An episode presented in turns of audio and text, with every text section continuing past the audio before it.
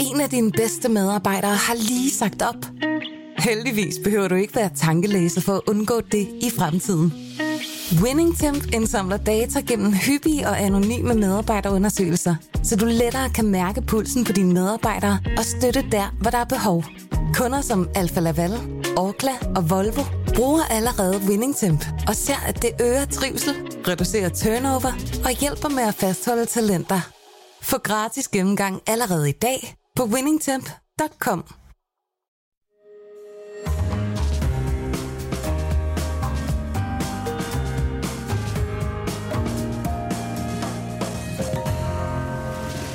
Du lytter til Korto og Steno, en podcast fra Berlingske. De unge bruger ikke Facebook.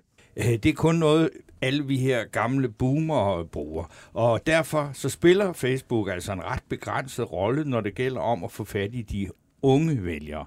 Og den kamp, den udspiller sig nemlig på det kinesisk kontrollerede TikTok, som er verdens største sociale medie. Det er elendigt til at kommunikere egentlige øh, politiske budskaber, men det er alligevel det, at kampen altså foregår om de unge vælgere. Og her er Liberal Alliances unge leder Alex van Opslag den fuldstændig øh, ultimative, ukronede konge. Mere om TikTok og vandopslag til sidst i den her første time, når vi får besøg i ekspert i sociale medier, Astrid Hav. Velkommen, mit navn er Torben Steno. Og jeg hedder Jarl Kortua, og vi skal også se, om vi øh, sædvanligvis kan komme afsted med endnu en fidusbamse, når vi her om små 20 minutter gennemgår den øh, forgangne politiske uge. Sidder du med et godt forslag til en kandidat, så skriv det til, til os på vores Facebook-side Kortua Steno. Her er der som altid også plads til kommentarer og spørgsmål. Og så vil jeg lige nævne i den her, nu har nu nævner du øh, Alex van Opslag. Han, han har jo de her, øh, skal man sige, øh, øh, film, han lægger op, der hedder Alex og Alex, hvor han spiller sig selv, der, hvor, hvor, Ja. hvor modparten er åbenbart en eller anden socialdemokratisk teknokrat eller et eller andet. Og, øh, og, og, og bag teknokraten her, der var der faktisk hele tre fidusbamser i billedet i den, Ja. den seneste øh, film. Det, er Jeg var ikke sige- klar over, at han havde fået så mange. det, men så det, det, det, det han viser altså. bare, at, at, at, op, og de der fidusbamser, de har meget centralt, øh, skal man sige, øh, Ja. øh, øh, øh, fremtrædende rolle i, i deres Nogen, liv, i, ja, på men deres Mette kontor. Frederiksen har faktisk også øh, flashet sine, og derfor skal I jo ikke sige, at vi er bare ude på at hetse Mette Frederiksen, fordi hun har fået mange bamser. Men nu skal vi byde velkommen til dagens første gæst, og det er ingen Ingeren end Weekendavisens udlandsredaktør, Anne Libak. Og øh, du er jo, fordi at du som den russisk køndige øh, kvinde, du er, selvfølgelig også har lyttet til Putins øh, tale i går, hvor han annoncerede den her delvise mobilisering op mod 300.000 øh, soldater, og endnu en gang øh, raslede lidt med øh, atomtruslen. Og øh, altså den her tale, så vidt I ved, så har den udløst øh, forskellige demonstrationer rundt i flere forskellige øh, russiske byer, men altså, jeg ved ikke rigtigt, når man, når man hører det, det er russiske byer, dem er der mange af, og der er også mange store, men øh, er det noget, som øh, virkelig får en eller anden påvirkning? Ikke? Og der, det må vi jo så spørge dig om, og så hvad din udlægning af talen ellers er. Ja, først vil jeg gerne starte med at sige, at jeg har også fået tre fidusfamser, og de har også en fremtrædende plads Okay. i min bevidsthed. En af dem hænger på min opslagstavle og har gjort det i, øh, i flere år. Øh, Så I betyder noget. Programmet betyder noget. Betyder noget. Ja. Godt. Med hensyn til, øh, til, til Rusland og øh, reaktionen, så har der jo ikke øh, været demonstrationer af en størrelse, der vil gøre noget synderligt indtryk på Putin. Altså, øh, de, de, det siges, at, at 1000 er, øh, er blevet tilbageholdt, og det er endda øh, højt sat. Øh, nogen siger øh, 800, men af af det kan vi jo udlede, at der har ikke været flere hundredtusinde mennesker Nej. Nej. på gaden i de russiske øh, byer, og det var der nok heller ikke nogen, der havde øh, forventet. Nej. Øh, fordi det, det er jo forbundet med, med store øh, omkostninger. Men det betyder ikke, at Putin ikke er under pres. Selvfølgelig er han under pres. Altså, Alla Pugacheva, øh, hun er Ruslands mest populære øh, popstjerne, og har været i årtier, og hun har jo simpelthen undsagt, øh, undsagt invasionen i Ukraine. Fordi hendes mand, der er en af Ruslands øh, populæreste komikere, han er deres øh, øh, Anders Mattesen, Maxim Galkin, han er blevet stemplet som fremmedagent, og så har hun så støttet sin, øh, sin, sin mand. De, så jeg vil sige, og de, at... og de bor så i Israel, kan jeg forstå. det kan godt være, men derfor så øh, spiller øh, mus, hendes musik alligevel øh, non-stop ja. i radioen, ikke? Okay. Og, og det er også for at sige, at, øh, at, at, at altså, det er vel også det, som sige, det, det værste sådan, propaganda-hook, han har fået i dag, øh, eller i den her uge, at øh, den her kæmpestore stjerne, som hun er, øh, har, har undsagt Rie? Det vil jeg ikke sige. Altså, jeg var personligt positivt overrasket over øh, Erdogans meget utvetydige udmelding, øh, da han gav et interview til amerikansk tv, hvor han lød forstå, at Putin han skal afgive de områder, han har taget. Og så blev øh, ikke bare siden invasionen den 24. februar, han blev spurgt eksplicit om Krim, Erdogan, og så sagde han, nej, han bliver også nødt til at give Krim tilbage, det er altså ikke hans. Og så klar i spyttet har Erdogan ikke været, og det, det viser mig, det er, at stærke mænd, de, de holder med vinderen. Og derfor så øh, er den øh, modoffensiv, som forhåbentlig fortsætter den ukrainske modoffensiv, et psykologisk gennembrud for Vesten, fordi det får andre magtmænd til at fjerne sig fra Putin forsigtigt, men ikke desto mindre fjerne sig. Hvis man køber ind på det, så vil jeg jo sige, at den indiske premierminister sagde jo også øh, noget med, at øh, du kan altså ikke fortsætte den der krig øh, så længe. Det, det vil man også kunne kaste ind i, det, i den analyse, du har der. Absolut. Han, han sagde, at det er ikke en æra, øh, hvor man fører krig, sagde Modi. Og øh, Xi Jinping mener man også har udtalt sig øh, negativt om øh, i krigen i forbindelse med øh, Shanghai Cooperation Organizations møde øh, i Uzbekistan, fordi Putin pludselig uopfordret sagde, at de bekymringer, som øh, Xi Jinping, Kinas øh, præsident, har luftet, dem adresserer vi. Og det, at han overhovedet siger det af egen drift, det er, fordi han er blevet bedt om det. Mm. Alternativet til det er, at Kina selv gjorde opmærksom på sin øh, bekymring for den krig. Okay. Men det, det, altså, de der øh, stater, vi nævner nu, Tyrkiet og Kina og Indien, de er afsindig vigtige, men, men man sige, de prøver sig ikke om den her krig, men, men de vil, hvad vil de egentlig gøre? Altså, de, de vil bare, kører du bare videre selv, indtil du kører dig selv helt i smadret? De gør jo ikke noget for at, altså, de, at stoppe ham. Nej, det gør de ikke, og det, det gør de jo ikke, fordi de er interesseret, øh, ikke, ikke nødvendigvis Tyrkiet, men, men øh, jeg tror, at øh, Indien og øh, Kina er egentlig godt tilfredse med, at der sker en, øh, en svækkelse af Vesten i den forstand, at vi ikke føler os kaldet til at belære andre om øh, menneskerettigheder hele Men vel øh, også tiden. en svækkelse af Rusland? Fordi så de, de bliver jo større i, af, at Rusland bliver mindre, altså som magtspiller, ikke? Jeg tror ikke, de er interesseret i en yderligere svækkelse af Rusland. Øh, jeg tror, de er interesseret i at købe russisk øh, gas og øh, olie billigere, og det har krigen givet mulighed for også at købe mere øh, af den. Og på den måde passer krigen dem udmærket, men det passer dem ikke at se ud som om, de er allieret med en taber. Specielt ikke, når den taber satser på at lave en stærk alliance øh, blandt nogle af de værste stater i verden. Altså Nordkorea får han våben fra, Iran, øh, Syrien. Ja, og, og, ja, Og Syrien. Sy- og Syrien og Venezuela. Altså, når det er dem, når, når det er dem der er, er vennerne, Xi Jinping, jamen, det er meningen, han vil træde frem på den internationale øh, scene og blive en ansvarlig leder. Verdens nye fredelige politibetjent øh, tilbyder han sig som i sine taler. Og det, og det harmonerer jo ikke med, at, at øh, jamen, at han hænger ud med stater som, som øh, Nordkorea og, og, øh, og Rusland. Øh, alt for tæt i hvert fald. Men nu er han så kommet med den tale her i går morges, øh, hvor han jo så siger, at nu øh, mobiliserer vi delvis 300.000 russiske reservister, skal indkaldes over de næste par måneder. Øh, og vestlige jagttager spekulerer jo og siger, at det kan man jo ikke sådan bare stampe op i jorden. Øh, det, har de i det hele taget den kapacitet? Øh, man har jo ikke de kampvogne, man har jo ikke de våben, man har jo ikke den udrustning. Det er noget, man skal have produceret formentlig, eller øh, man skal meget dybt ned i lagerne i hvert fald. Øh, så hvornår bliver de 300.000 kampklare? Og det er jo, man må nok også forestille sig, at nogle af de her mennesker er vel også nogen, der skal lave, lave træn og andre ting. Det er jo ikke, det er jo ikke decideret kamptropper alle sammen. Øh, så øh, vil det ændre noget, tror du? Jamen, det kan man da ikke udelukke, fordi 300.000, det er jo mange i betragtning af, at der var tilforordnet oprindeligt 200.000 til, til den her krig. Så betyder 300.000 øh, da noget.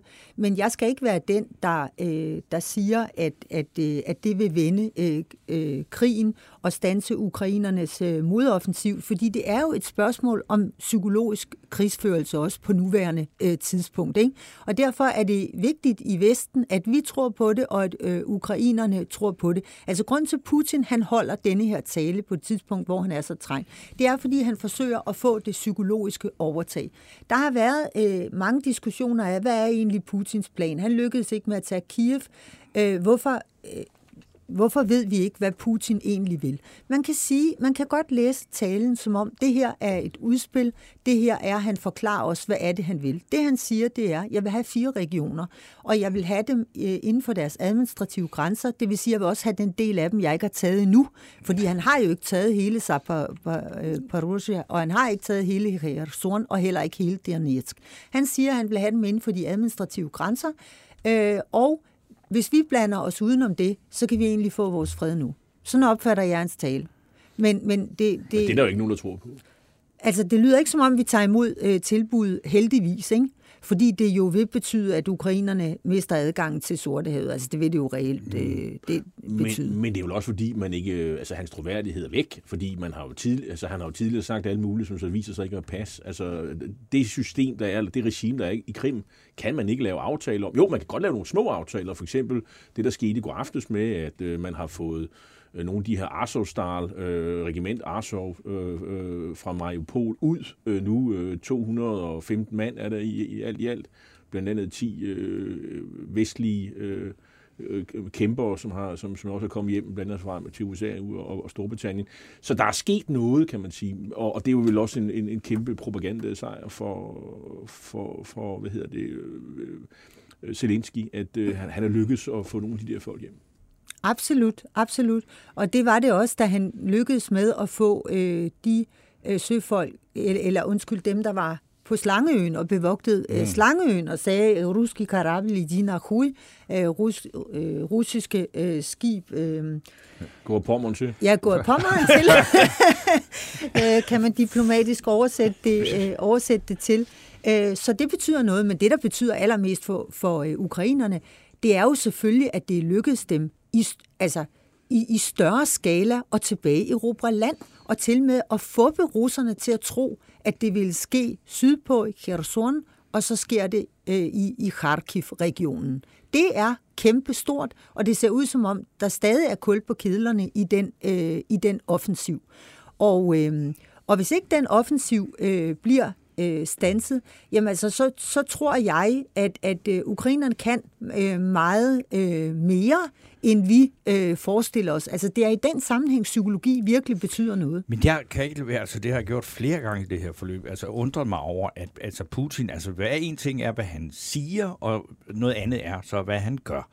Og nu har han så igen, altså sådan på den der mærkelige måde, sådan truet lidt med lidt atom, øh, lidt små taktiske atomvåben eller sådan noget. Og det, og det bliver udlagt på alle mulige forskellige måder. Men jeg hele tiden siger, hvis han vil, virkelig vil vinde den her krig for enhver pris, så er det jo simpelthen, altså nu mobiliserer han 300.000, men han kunne jo også begynde at simpelthen bare lave sådan noget civil terrorbombning øh, af. Altså, du kunne jo godt bombe Kiev fuldstændig sønder sammen. Det har han da kapacitet til. Jeg ved ikke, hvad det, altså, det kunne man jo godt gøre. Man behøver da ikke at bruge atomvåben. Altså, jeg, jeg forstår simpelthen ikke de russiske militære dispositioner overhovedet. Nej, men russerne behersker jo ikke luftrummet. Altså deres, sky, øh, deres fly bliver skudt, skudt ned, ned ja. så han kan ikke bare bombe de byer, øh, han vil, uden at hans fly øh, falder ned øh, fra himlen. Men, Men du har helt ret i, at han store, kan... gammeldags øh, tæppebumpningsflyver, som ligger og truer folkemødet en gang, men de kunne vel godt få et par stykker ind over det, Kiev. Det kan de absolut, og det vil de også gøre et par stykker. Men de kan ikke sønderbombe øh, Ukraine, fordi de har ikke herredømmet over luftrummet. Øh, men Øh, de kan rette missilangreb i højere grad, end de gør nu, og det tror jeg også, vi vil se.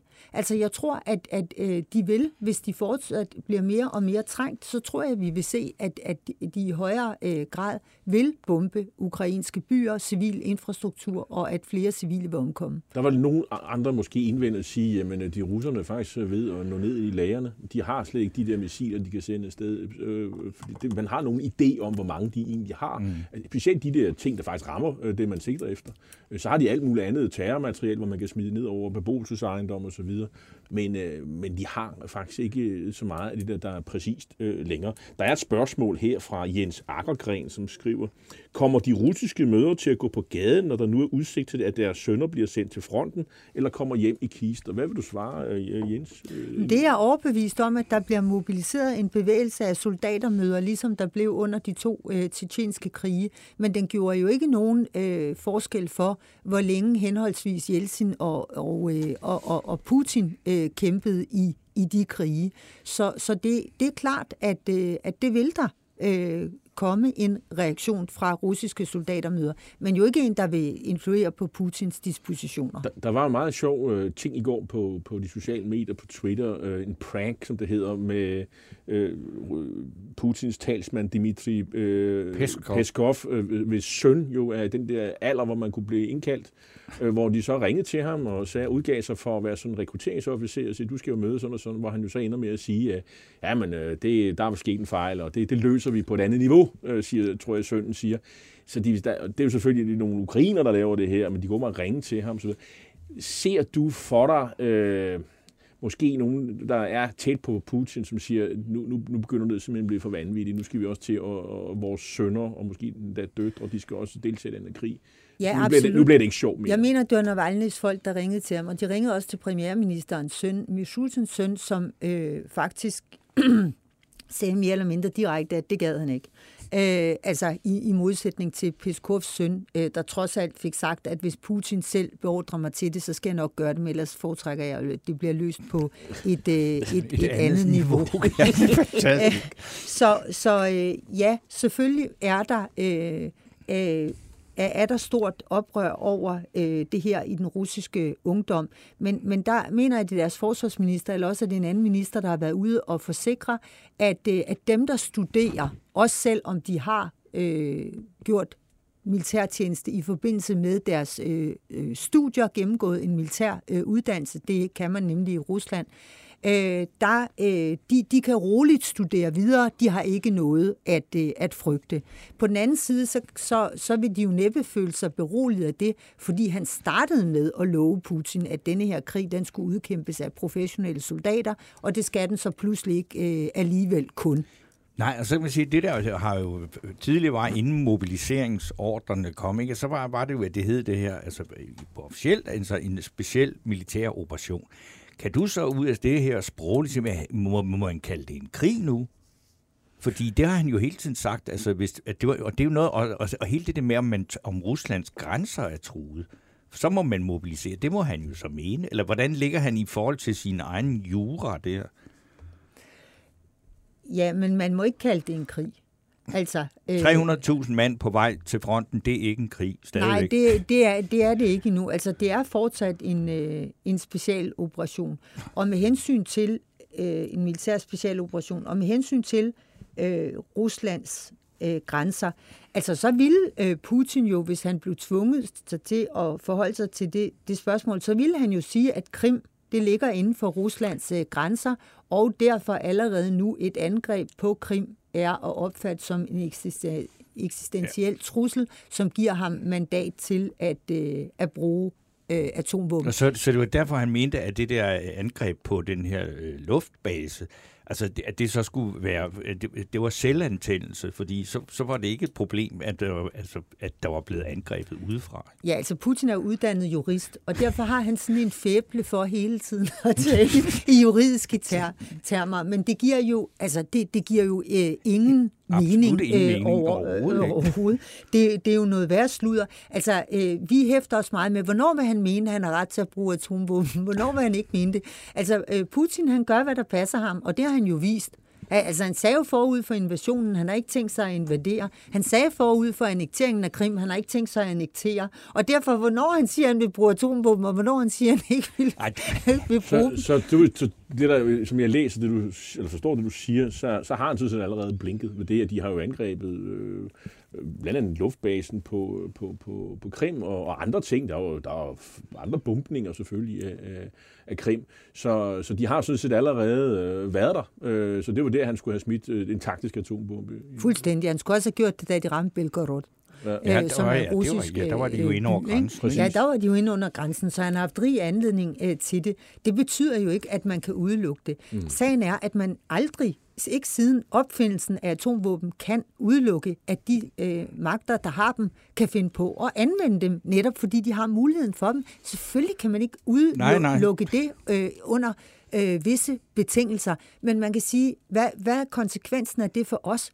Jamen det er, at vi kan overgive hele verden til Putin, hvis vi vil øh, eliminere risikoen for, at han nogensinde skulle finde Men, på at bruge atomvåben. Og man kan også, der er også militære eksperter, som siger, jamen den måde krigen føres på, så kan man faktisk godt stille sig spørgsmål, hvad han egentlig får ud af det. Øh, hvis man nu smider en taktisk atombombe, som er på grænseområde, ja, så vil han måske udslette nogle styrker lige der, men i det, at fronten er 1000 km lang, så vil der jo altid være nogle tropper et andet sted, øh, man kunne bruge, og man må da håbe for ham, at der ikke er nogen øh, russiske tropper i nærheden, fordi de kæmper jo meget, meget tæt. Altså frontlinjer, altså det vil sige, man kan jo næsten ikke undgå, at der vil gå nogle, øh, nogle, øh, nogle russiske soldater til i, i, i den manøvre. Og så er der jo så det politiske øh, regning, der skal fejres op bagefter, for så skal Kina og alle de andre, der støtter ham, jo pludselig svare for, hov, hvad er det, der sker nu? Da, nu smider han med atombomber. Plus at Vesten jo pludselig får alle øh, argumenter for at gå ind med flyvemaskiner, øh, alle de kampvogne, som vi har stående, som vi ikke vil give til dem, det kan vi pludselig øh, retfærdiggøre og sige, prøv nu her, vi har en terrorstat, der smider med taktiske atomvåben, Værsgo, Ukraine. Go ahead. Er det, ja er det en analyse, du køber? Ja, fuldstændig. Det, det er det. Øh, og, og det tror jeg øh, virkelig øh, for, for uroliger ham. Øh, ikke mindst øh, Kinas og øh, Indiens øh, reaktion. Fordi han jo i sine taler lægger så meget vægt på, at, at det er Vesten mod resten af verden. Det er ikke Vesten mod Rusland, det er Vesten mod resten af verden, og at den nye verdensorden skal han jo bygge sammen med mm. øh, Kina. Det lægger han ikke skjul på. Og samtidig så forsøger Xi Jinping at træde ind på verdensscenen som den ansvarlige nye globale leder, og han har jo øh, forholdt sig til ikke-spredning og forsøgt at øh, gøre verden klart, at Kina vil arbejde for, øh, at, at, øh, at flere stater ikke får atomvåben, og at de ikke bliver brugt i en krig. Og det er jo meget uheldigt, Mm. Altså kan man sige, at Kina tager sådan et initiativ, som de gjorde øh, for nylig, øh, hvis, hvis så deres gode ven øh, Putin bruger atomvåben. Og derfor tror jeg ikke, det vil ske. Hvis, hvad jeg tror, der vil ske, hvis det endelig skal være noget med atomvåben, det er, at de gør et af de øh, atomkraftværker, der ligger i Ukraine, til et øh, A-våben og, og simpelthen øh, gøre store dele af Ukraine ubeboeligt, fordi de får en stald, der en nedsmeltning af et atomkraftværk. Tak skal du have. Men så, så, så må vi da lige slutte her med at sige, at det er jo noget frygteligt noget også, men, men dine fornemmelser og følelser, altså er det her en krig, som kommer til bare at vare i overvis? Og, men, men, men det bliver ikke vildere end det. Altså, nu har vi været på, på hele atomskræk-scenariet øh, igennem. Men, men altså, er det sådan her, det bliver, det her, det kan ikke vindes, og så det, man må bare holde ud og se, om man kan kæmpe mod de russer indtil Putin altså simpelthen udånder. Er det, er det sådan, det bliver? Nej, selvfølgelig kan vi vinde krigen. Altså, det mener du? Ja, det mener jeg. Hvis og du vi siger forsyner, vi? Ja. ja, ja, fordi det er jo øh, os, der leverer våbnene til ukrainerne. Ja, det er jeg fuldstændig overbevist om, hvis vi øh, har den fornødne øh, beslutsomhed, og vi, hvis vi ikke lader øh, os kyse og ikke bliver bange, øh, så kan vi drive ham tilbage til, øh, hvor han var den 24. februar, hvilket jeg vil mene, at det er ansvarligt at gøre. Og det ville være rimeligt, at han også afgav Krim og Ja, det hele. Ja, det hele. Men, men det synes jeg ikke, vi skal gå efter.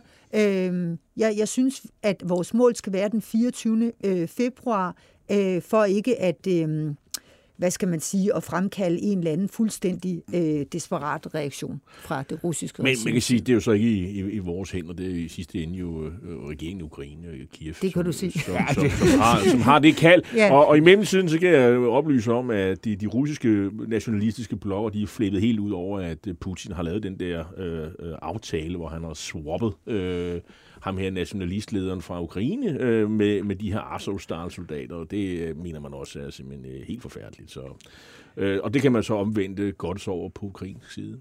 Tak, Anna Lieber, tak fordi du kom. Tak fordi jeg måtte.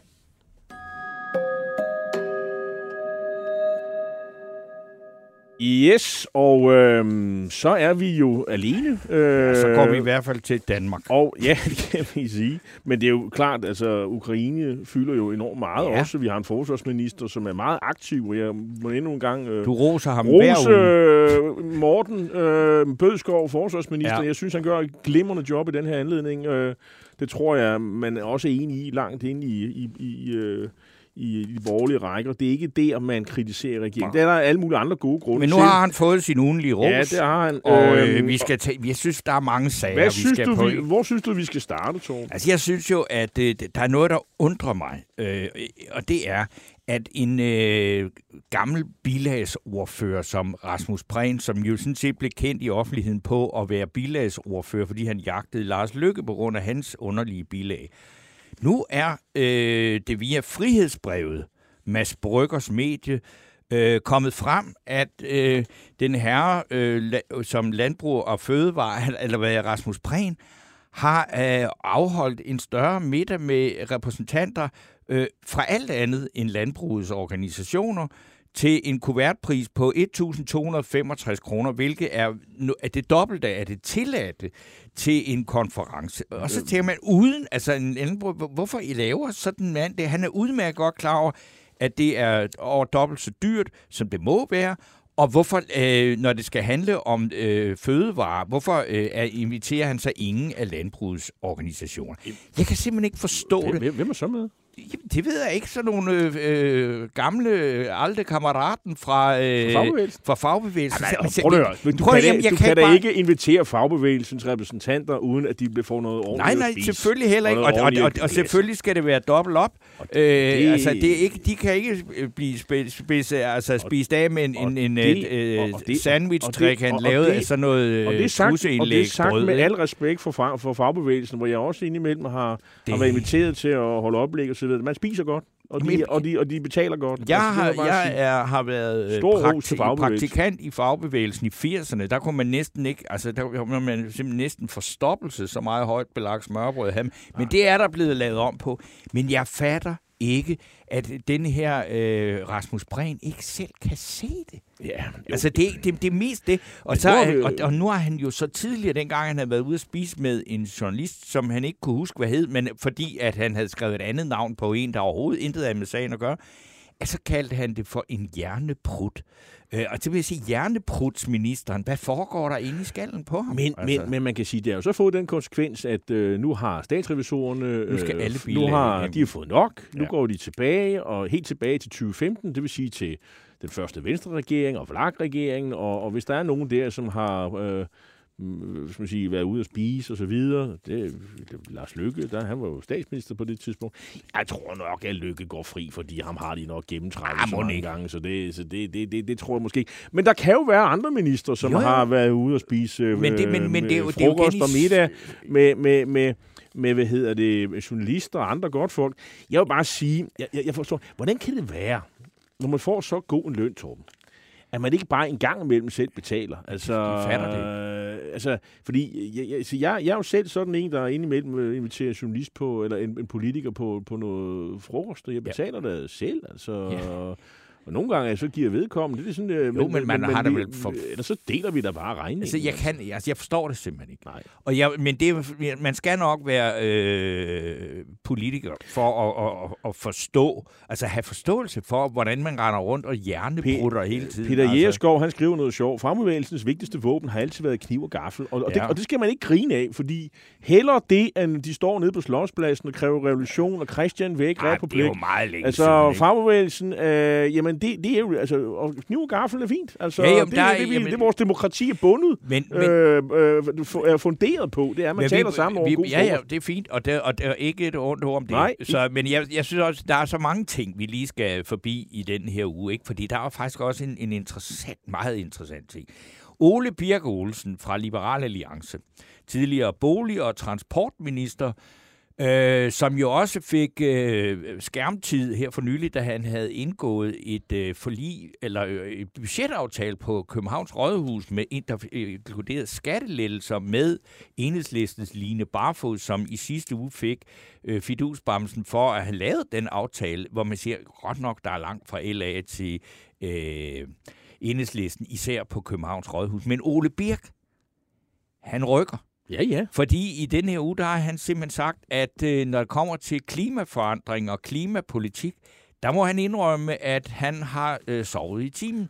Det er gået op for ham nu, at der er væsentlige klimaproblemer, øh, problemer, og det er en øh, kamp, øh, som også Danmark skal være en del af. Jeg tror, Og er simpel, det... jeg tror simpelthen, at uh, Ole Birk og LA-strategerne har læst i, uh, i, i de undersøgelser, de har, at der er rigtig mange såkaldte storbyliberale, Ja. som uh, egentlig er meget økonomisk liberale. Jeg er selv en af dem. Og, men, men, men simpelthen ikke kan se sig selv i Venstres uh, landbrugspolitik politik og miljø- og klimapolitik, hvor de siger, jamen vi starter med, at landbruget skal overproducere, og så vil vi jo gerne være med i klimapolitikken. Jeg, jeg er ikke sikker på, at, øh, at det er vejen frem øh, for, i, blandt storbyvælgere. Altså, Ej, det er det da og det har de nok set, at hvis, hvis de vil have noget, de kan nok ikke få fat i, øh, i, i bønderne alligevel, Nej. men de kan få fat i storbyvælgerne ved at, at, at, at køre på det. Og de Og unge, der, og der får de mig, ja, og de unge, og der får de altså mig i tale. Altså, jeg øh, tænder fuldstændig af på, på Venstres øh, klimapolitik. Jeg er klar til, til elbiler og sådan noget. Jeg har svært ved at se, hvorfor vi skal være Ole produktionsland så i øvrigt en af de første her i landet, der øh, havde og, Tesla. Og, og, hele Men det var ikke på grund af kvælstoffer klimaet. ud i, i vores øh, farvande, så vi ikke kan fiske. Der er jo ikke noget fiskeri længere. Jeg forstår ikke, hvordan Venstre kan være øh, et parti for fisk, fiskerne. Altså, Det, de, må man de sige, vil at- være, at- at, de vil hellere være øh, et parti for, for, for landbruget. Altså, og man kan ikke være begge dele, øh, i hvert fald ikke med, sådan som det ser ud i det danske indre farvand. Der er lige, lige en ting. Øh, men når jeg sådan taler, når, når jeg så bliver glad for, for Liberal Alliance, så bliver jeg så mindre glad, når jeg ser deres partiformand, som jo er ude efter regeringen og siger, at ministerne gemmer sig bag spildoktorer. De vil ikke svare på spørgsmål. Og, og man har, Liberale Alliance har lavet sådan et pledge med, med seks ting, øh, principper, som øh, borgerlige regering skal, skal ledes efter. Det vil sige, de skal stå til rådighed for pressen, for kritiske spørgsmål og aldrig gemme sig osv. Øh, og det er fuldstændig en, en kritik, der er fuldstændig berettiget. Så er han så endt i sådan en øh, sag med sit bolig, øh, hvor han har haft en eller anden bolig... Øh, I Struer og, per- i, og en folketingsbolig. Ja, ikke? og, og, og, og, og, så, og, og, og klart overtrådt reglerne, der har han faktisk indrømmet. det har han indrømmet, ja. Og, og det er information, der har kørt den der sag. Fuldstændig øh, tjek på politikerne. Er der sammenhæng mellem, hvad de, De siger siger, og hvad, hvad de de gør? Og det er der så ikke her.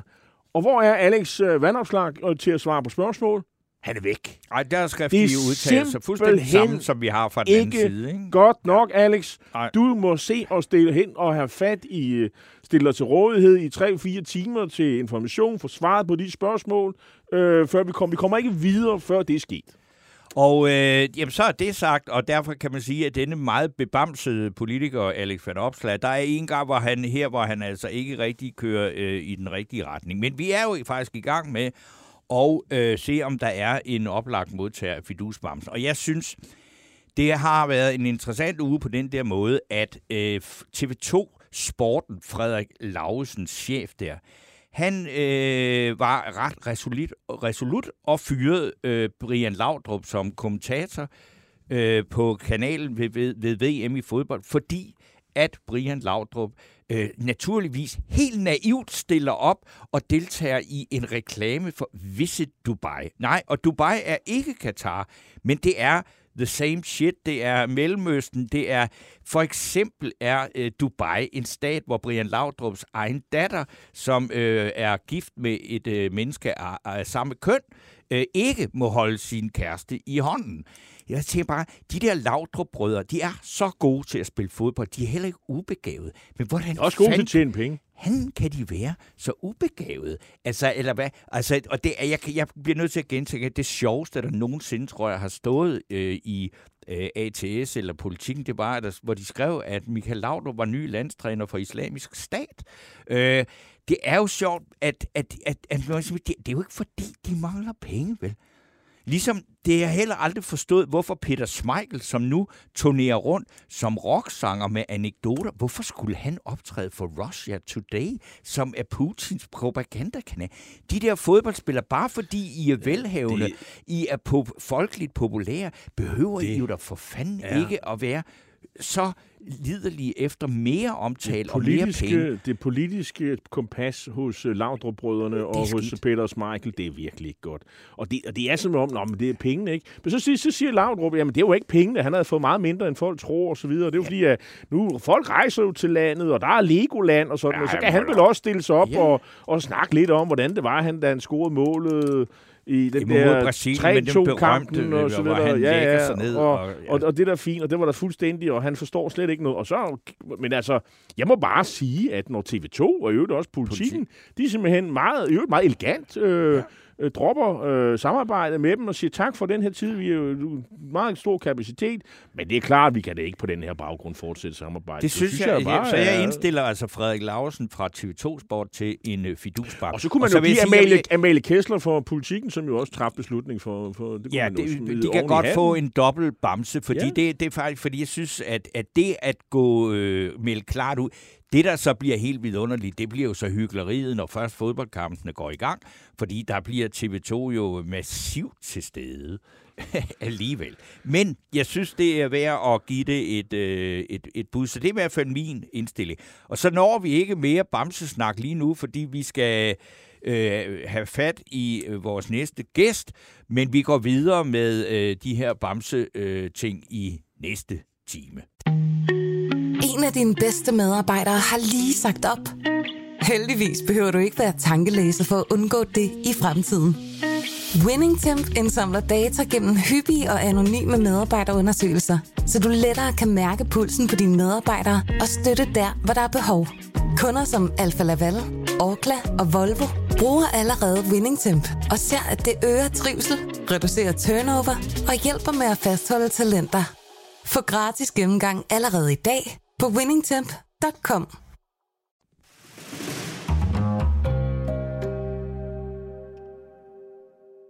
Der er noget, jeg har øh, tænkt enormt meget over på det seneste, som, øh, som ligger mig dybt på sinde. Jeg, jeg, jeg er svært ved at forstå det, og hvorfor er det, at socialister er så grådige efter andre menneskers penge?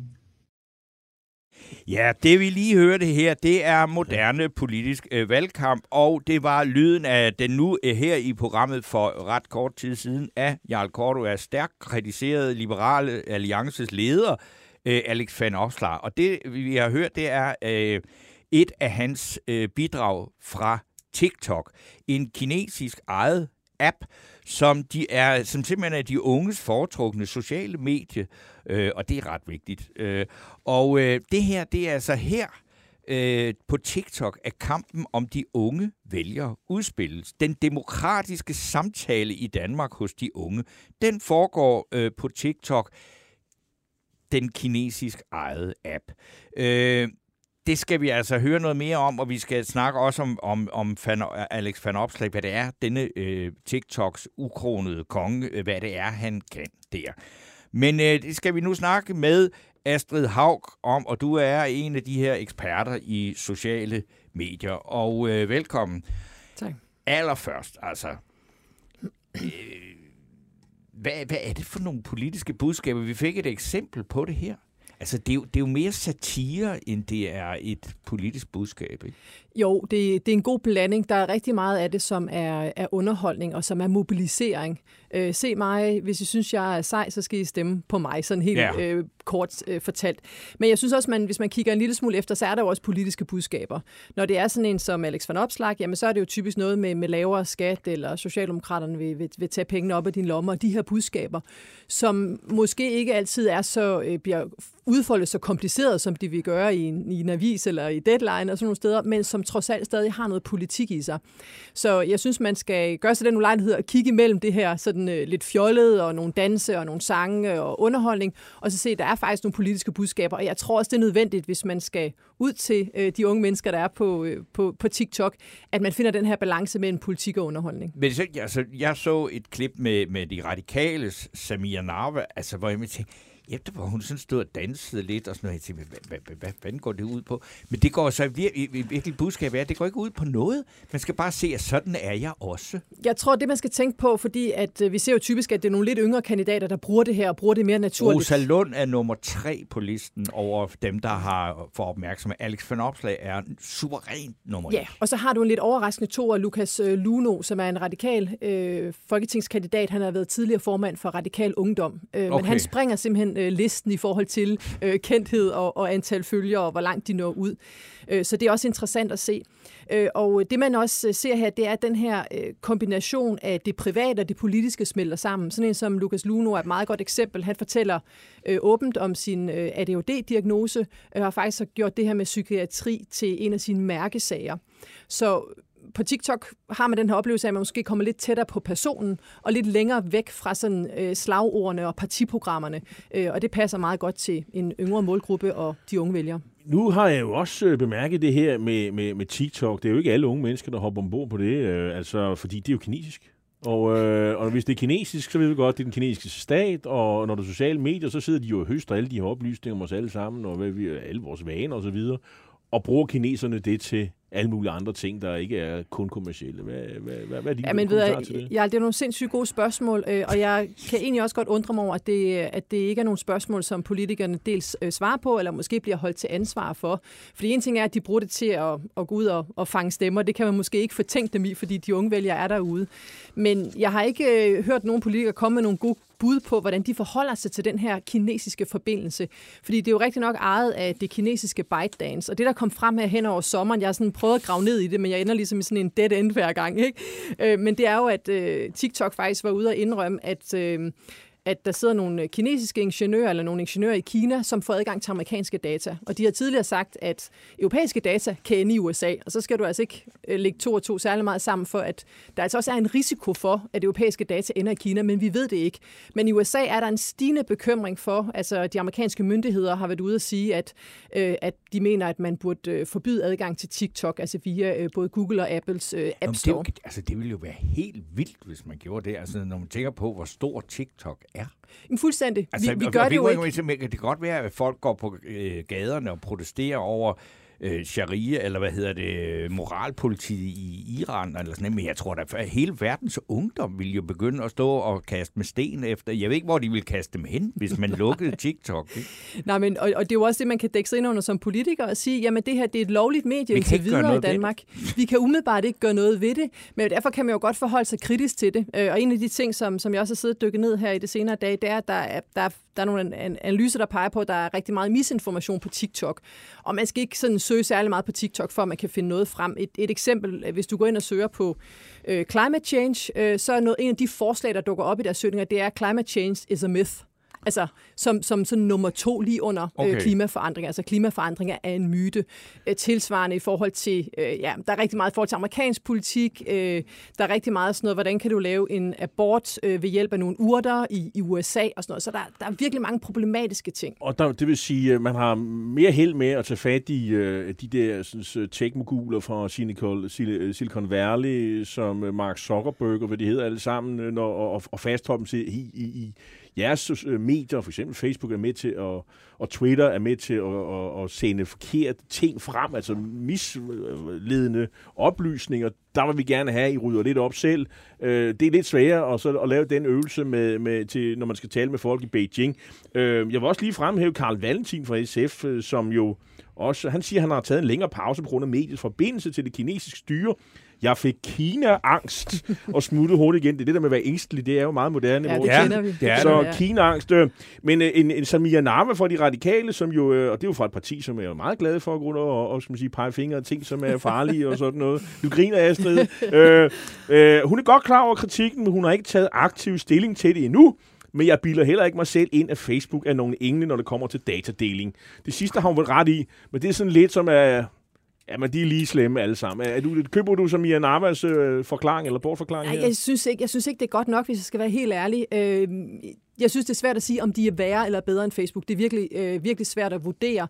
Øh, vi har en lidt længere historik øh, med Facebook, øh, og de har jo altså sådan øh, seriøst arbejdet øh, siden 2016, eller i hvert fald øh, efter 2016, på at forbedre øh, deres forhold til, eller der kan man sige, det her med at fjerne misinformation mm. og fake news. Der, der, der er lige en rapport, der, der er ude at kritisere dem for, at det stadig ikke er godt nok, men de har gjort meget. Øh, og der er trods alt en eller anden form for dialog, selvom jeg heller ikke altid synes, vi, vi kan stole helt på dem. Nej, Med TikTok er der, er der simpelthen flere grå zoner, og der er altså den her kinesiske øh, forbindelse, som jeg synes, vi skal tage, tage meget alvorligt. Der kunne jeg godt tænke mig, at vi havde nogle politikere i Danmark, der også faktisk gik ind på den bane og siger, hvordan sikrer vi, at vores børn og unge, de faktisk er ordentligt beskyttet, når de går online? Jeg, jeg skal høre, taler du med nogle politikere om det her? Fordi du siger hele tiden, at jeg ikke kan rigtig få dem til at sige noget om det. Har du, altså, du konfronteret nogen, men du rådgiver vel også nogle af dem? Jeg rådgiver ikke øh, politikere, Nej, okay. okay. lige pt. i hvert fald, har ikke gjort det noget tid. Jeg taler med politikere, jeg taler med øh, interesseorganisationer, øh, jeg taler, jeg læser øh, aviser osv. Jeg har ikke kunne finde noget. Øh, der kommer noget en gang imellem, og- meget af den her regulering sker jo selvfølgelig også på EU-plan. Øhm, og jeg tror også, vi vil ende sådan lidt et pragmatisk sted. Lad os nu se, hvad der kommer fra datatilsynet, og lad os nu, nu lige se tiden an. Men jeg synes, der er, et, øh, der er en udfordring her, som har brug for at blive adresseret. Ja, ja, Jeg har lige brug for at sige, at den, øh, de ting, jeg læste op før, de kommer fra en artikel fra Politiken fra den 19. september, øh, der ta- taler om det kommende valg, bliver et, et TikTok-valg. Ja. Og, og så bare for lige, at der er også noget kildeangivelse her. Men der er jo andre, der... Jeg vil en- også sige, at jeg har skrevet en klumme om det, som jeg tror nok ligger på Berlingske Ja, Stine det nu. ikke, Øh, så lidt omkring, fordi at det, det, der, der er heldigvis i denne her verden altid undtagelser. Og der er øh, faktisk en af moderaternes kandidater, der hedder Erik Thyrmer. Erik Thyrmer. 45 45 forretningsmand for Gille Leje. Han ligger helt vildt højt på TikTok, og han udtaler gladeligt til politikken, at han synes, at Facebook og Instagram, det er simpelthen noget lort. Det vil han overhovedet ikke have noget med at gøre. Og, og Thyrmer er moderat. Han er moderat, mm. altså han er øh, Lykkes parti, ikke? Mm. Og han taler virkelig sådan noget kedeligt, og han siger sådan nogle ting, som, øh, øh, som, som jeg synes mange flere politikere burde sige. Prøv at høre, I skal ikke stemme øh, på os, øh, fordi I, hvis I har en forestilling om, at vi kan øh, faktisk virkelig løse de problemer, vi er på vej ind i, det kommer til at gå helvede til. Det er hans budskab, mm. ikke? Jo, og Erik Thürmann er et meget godt eksempel på en, der netop bruger det til politik. Han lægger nogle Ja. ret lange, altså i TikTok-mæssigt lange videoer op omkring inflation, omkring rentestigninger og alle de her Alt sådan, det der, og det meget er- alvorlige sådan, politiske og økonomiske øh, ting, som ikke udenbart er det, man forbinder med TikTok. Men det er der altså også øh, en målgruppe for derinde.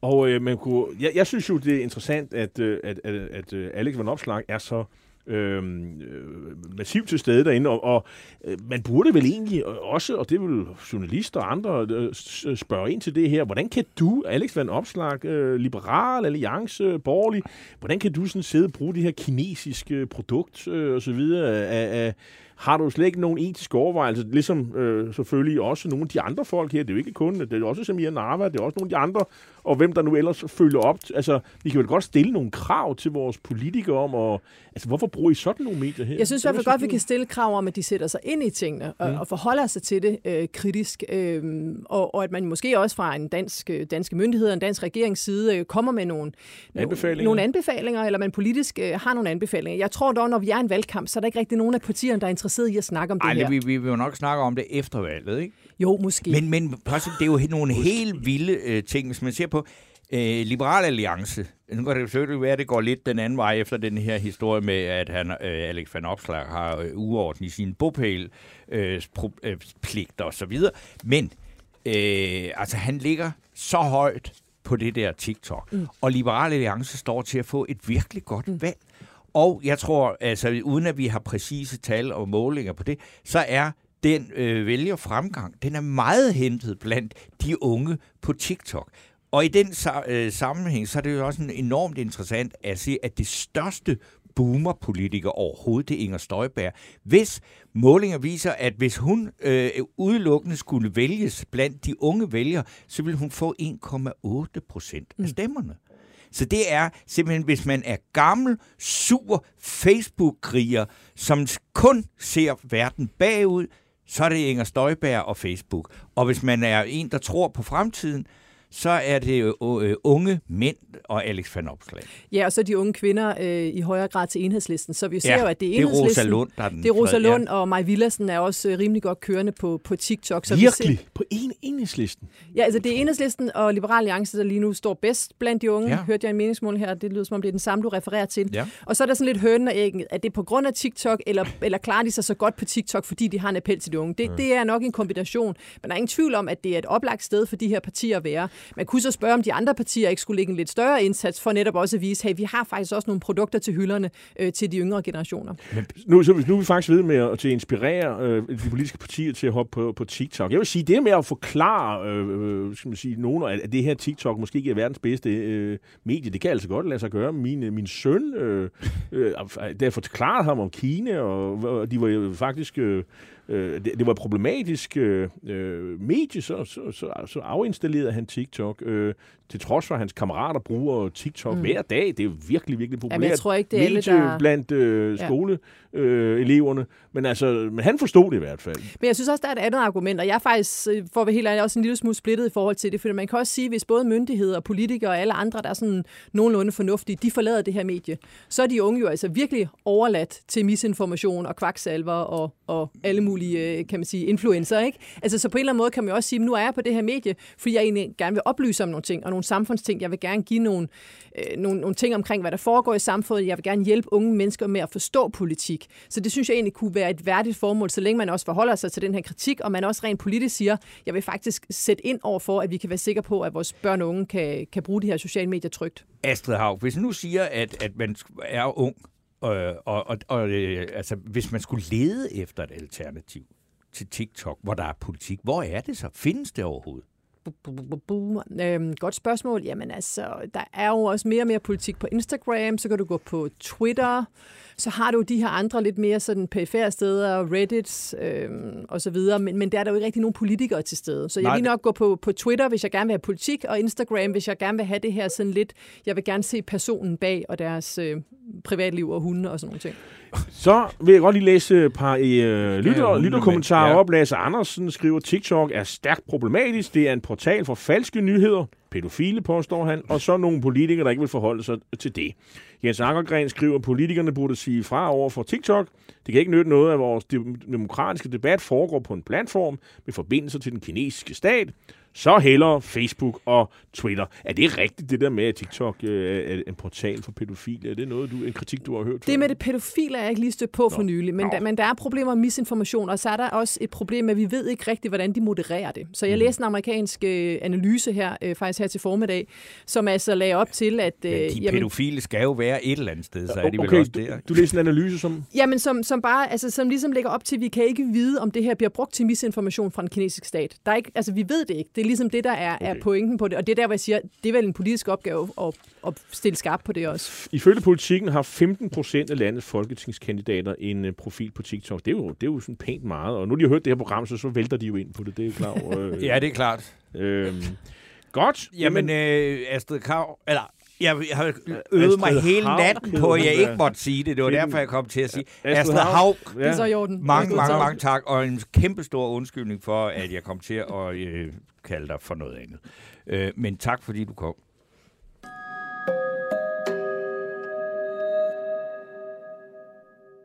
Ja, og så skal vi jo fortsætte vores øh, vi har lige, ja, vi kan snak her. klemme et lille bamsehul ind ja, her. Hvad, hvad, hvad, altså, jeg, jeg vil jo, øh, der er jo kommet en måling i dag jo, som jo øh, bekræfter lidt den voksmetermåling, der kom i mandags om, at øh, Søren Pape og øh, de konservative øh, tager et lille dyk øh, fra de der omkring 16 procent til en 13-14 procent. Så det har jo altså åbenbart kostet noget. Det er opinions fra Danmarks Radio måling, øh, hvor, og, og, og, og det vil sige, altså det nyeste her, og det vil sige, det har åbenbart kostet lidt den her snak om øh, hans nu tidligere ægtefælle, og måske også øh, det politiske program, de har øh, lagt frem. Det er jo også en måling, der faktisk viser det samme, øh, nemlig at, øh, at Dansk Folkeparti ligger faktisk lige omkring spærregrænsen. Ja, det er ret Altså, de er faktisk under spærregrænsen i opinion, så jeg tror, den var, de var lige over i Voxmeters i mandags. Vi får jo et besøg af Morten Messerschmidt lidt senere. Øh, Det er en måling, der er god ved Lars Lykke. Her er han faktisk over øh, spærregrænsen, øh, over 3 procent. Så vi har består af en hvorimod- over og en under. Hvorimod han i, i Voxmeters i mandags var under. Meget interessant også, det er jo dem, der har ligesom udløst alle de her valgspekulationer. De radikale, øh, de, øh, de er 2% under øh, niveauet i Voxmeter i mandags, men i opinion, Mm. der er det en katastrofe. Der er de 4% eller nærmest en halvering. Øh, så hvorfor insistere et parti, der i hvert fald i opinionsmåling risikerer en halvering af folketingsgruppen?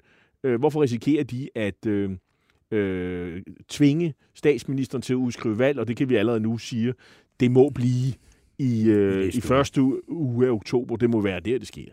Men altså, jamen altså det, det, det har vi jo forsøgt mange gange at øh, forklare, og det skal man altså være radikal for at forklare, hvorfor man gør det. Men de, det er jo, men hvis de lige pludselig ændrede øh, synspunkt, og så sagde, nu vil de ikke vælte hende alligevel, altså det ville jo også være mærkeligt. Så jeg, jeg tror også, at, at selv om der så skulle være meget længe til næste øh, valgkamp, på den konto, så tror jeg, at de radikale har et kæmpemæssigt øh, problem.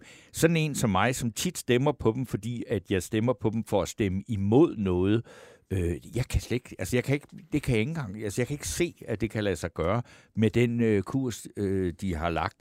Og øh, ja, altså, øh, det, jeg tror ikke, jeg er alene om det, at, at, at sådan nogen, der tit er lidt i, i altså, hvad, føler sig lidt tiltrukket af at bruge de radikale til at stemme imod, at de er i, i vidt omfang på vej væk. Nu tager vi en lille pause, og når vi er tilbage, så bliver det med en diskussion mellem Dansk Folkeparti's Morten Messerschmidt og Venstres Janne Jørgensen.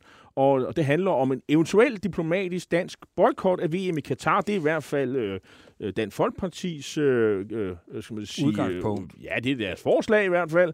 Og så får vi besøg af Jino Victoria Duabi, der har kurdisk-iranske rødder, og som følger den dramatiske udvikling i Iran, øh, efter at moralpolitiet var i sådan kontakt med en ung kvinde, hun var 22 år, og det endte med, at hun døde simpelthen. Det, det, er, det skal man ikke. Man skal lade være med at komme i, øh, i korambolage med moralpolitiet.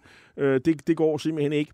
Og så kommer Moderaternes Lars Løkke og besvarer spørgsmål på om partiets seneste politiske udspil. Så skal vi høre noget musik, fordi det her med, at, øh, at DF siger, at vi skal blive hjemme, det inspirerede mig til, at jeg tænkte, at vi skulle høre lidt countrymusik med gruppen Big and Rich, og nummeret hedder Stay Home. Vi ses, eller vi høres ved om 3-4 minutter. Stay home. No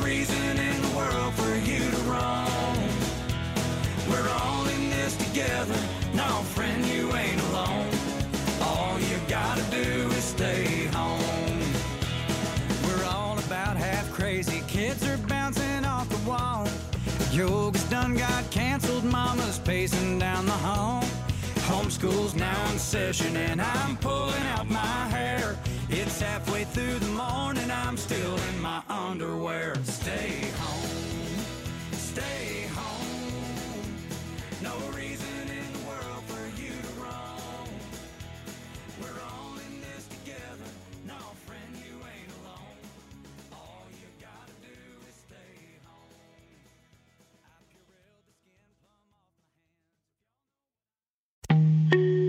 En af dine bedste medarbejdere har lige sagt op. Heldigvis behøver du ikke være tankelæser for at undgå det i fremtiden. WinningTemp indsamler data gennem hyppige og anonyme medarbejderundersøgelser, så du lettere kan mærke pulsen på dine medarbejdere og støtte der, hvor der er behov. Kunder som Alfa Laval, Orkla og Volvo bruger allerede WinningTemp og ser, at det øger trivsel, reducerer turnover og hjælper med at fastholde talenter. Få gratis gennemgang allerede i dag på winningtemp.com.